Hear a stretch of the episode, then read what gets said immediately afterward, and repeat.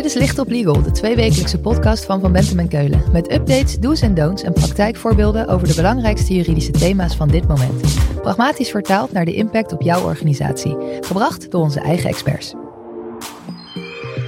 Dus het is uh, een grote kans dat je als websitehouder wordt aangesproken. En dan ben je gewoon hoofdelijk aansprakelijk.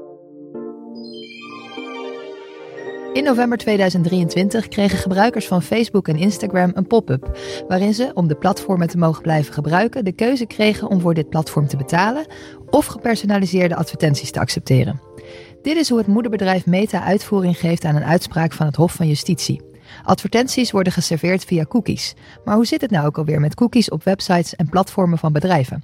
En wat betekent deze uitspraak voor ondernemers? Daarover praten we in deze Licht op Legal met Els het Hart. Zij stelt zich even voor. Ik ben Els het Hart. Ik ben uh, advocaat op het gebied van IT en privacy en hou me heel veel bezig met data in het algemeen uh, en ook natuurlijk met persoonsgegevens. En Els is daarnaast spreker op congressen en seminars over data en privacy en is dus de go-to person als het gaat om deze onderwerpen. Ik kreeg hem ook die pop-up. Ik zie dat we opeens moeten gaan betalen voor Facebook en Instagram. Hoe zit dat?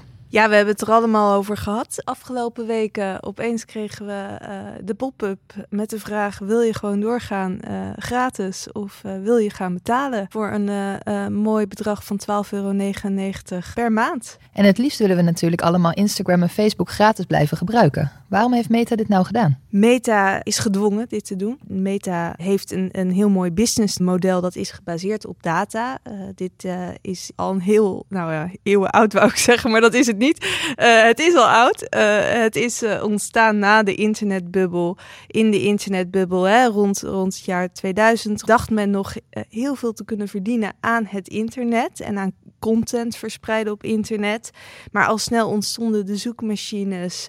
Uh, ontdekten we dat ja, voor, het, voor een website je geen geld kon vragen. Voor een platform online geld vragen was lastig. Dus ja, hoe ga je dan geld verdienen met content op internet. Men wil er niet voor betalen, maar men wil wel dat het uh, er is. En Facebook, Google en zo nog vele anderen hebben daar een prachtig verdienmodel bij bedacht. Dat is je betaalt met je data. doordat jouw zoekgedrag, jouw klikgedrag wordt gevolgd over verschillende websites, over het hele internet, kunnen bedrijven een heel specifiek profiel maken van die bezoekers. En weten daardoor eigenlijk best wel veel van een persoon. Zonder dat ze diegene nou echt weten dat dat Jantje of Pietje is. Maar wel dat dat nou ja, een man van rond de 40 is. Die geïnteresseerd is in motors en auto's. En nou ja, noem zo nog maar wat zaken. En op basis van die kennis kunnen ze hele gerichte reclames afstemmen. En dat is best wel veel waard. Daar kunnen ze best wel veel aan verdienen. Want ja, adverteerders willen natuurlijk het liefste dat, dat hun doelgroep wordt bereikt. En op deze manier kan dat. En Facebook zag daar mogelijkheden in en Facebook is dat gaan toepassen. Dus Meta is via Facebook en Instagram advertenties gaan verkopen op basis van de informatie die ze over ons hebben via die platformen. Dat is natuurlijk een enorme pluk data van burgers. En met dat verdienmodel, daar was niet iedereen blij mee. Ja, dat is een uh, doorn in het oog van de wetgever geweest. Uh, omdat dit natuurlijk heel veel gevolgen heeft voor mensen hun privacies. Uh, wat weten al die internetbedrijven nou van ons? aan wie geven ze die gegevens door? Is dat wel goed beveiligd? het is natuurlijk een bak met data die over ons bekend is, zonder dat we nou eigenlijk zelf precies weten wat dat voor gevolgen voor ons heeft en wat er nou precies mee gebeurt. De wetgever heeft daarop heel veel wetgeving bedacht. Ook de AVG is eigenlijk ook bedoeld om dit soort uh, handelingen aan te pakken. Ook de e-privacy-richtlijn en nou ja, zo nog heel veel meer wetgeving is gemaakt om dit soort praktijken nou ja, lastiger te maken. En ook om juist transparanter te worden naar de gebruiker. Want de gebruiker moet weten wat er aan de hand is en moet daar controle over kunnen uitoefenen. Nou, de AVG is daar één onderdeel van, de e-privacy-richtlijn ook. En uh, de wetgever heeft ook in de AVG gezegd: Nou, je moet hè, een gerechtvaardigd belang hebben voor de verwerking van persoonsgegevens. En juist met dit soort zaken moet je misschien wel toestemming vragen.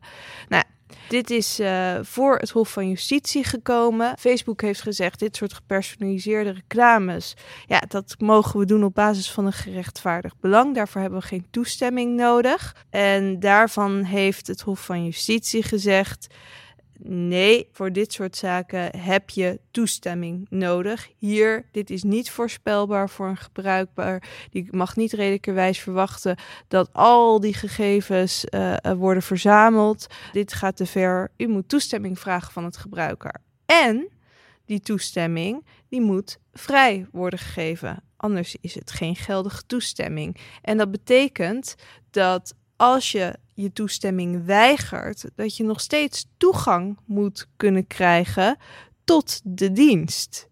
Maar ja, dat is lastig, want dan gaat het hele businessmodel van Facebook weg. Want ja, eh, dat, dat is het verdienmodel van Facebook. Dus de rechter heeft ook gezegd daarbij van nou, wat je ook zou kunnen bieden is elk van alternatief bij weigering.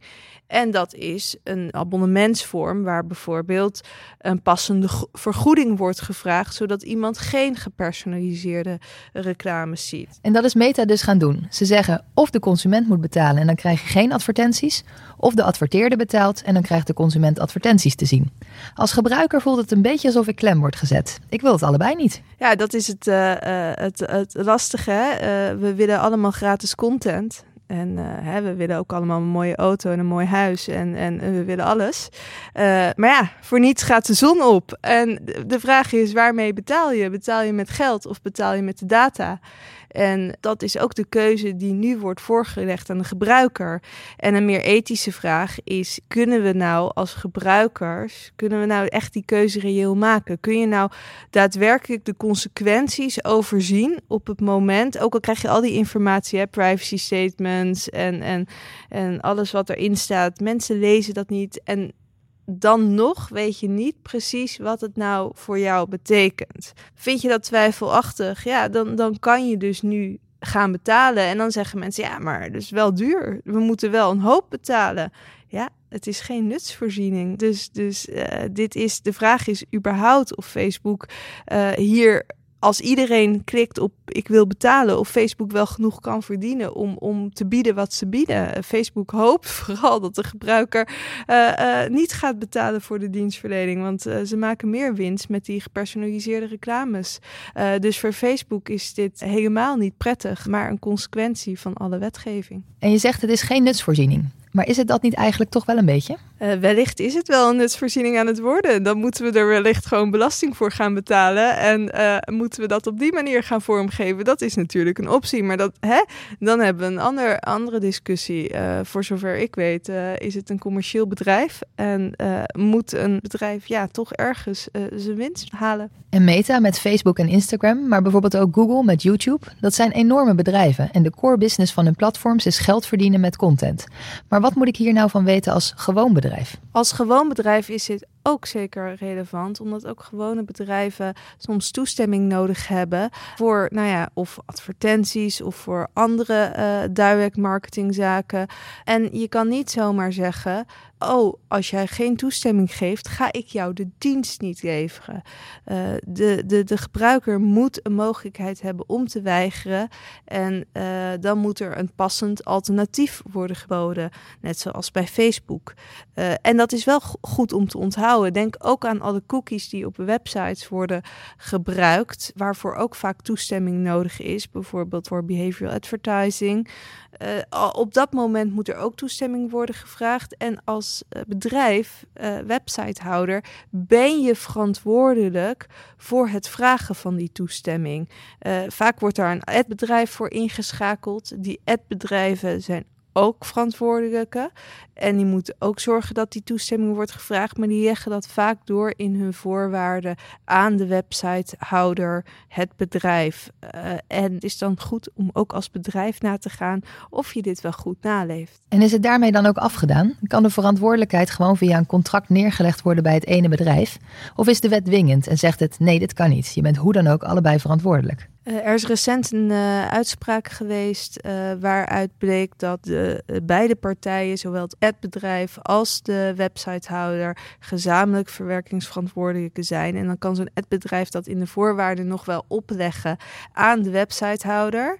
Maar ook het adbedrijf moet goed onderzoeken of dat wel wordt nageleefd. Wat we in de praktijk zien is dat het bijna onmogelijk is om dat allemaal te controleren en dat dat niet goed gebeurt. En uh, de websitehouder is vaak wel het eerste aanspreekpunt van de betrokkenen.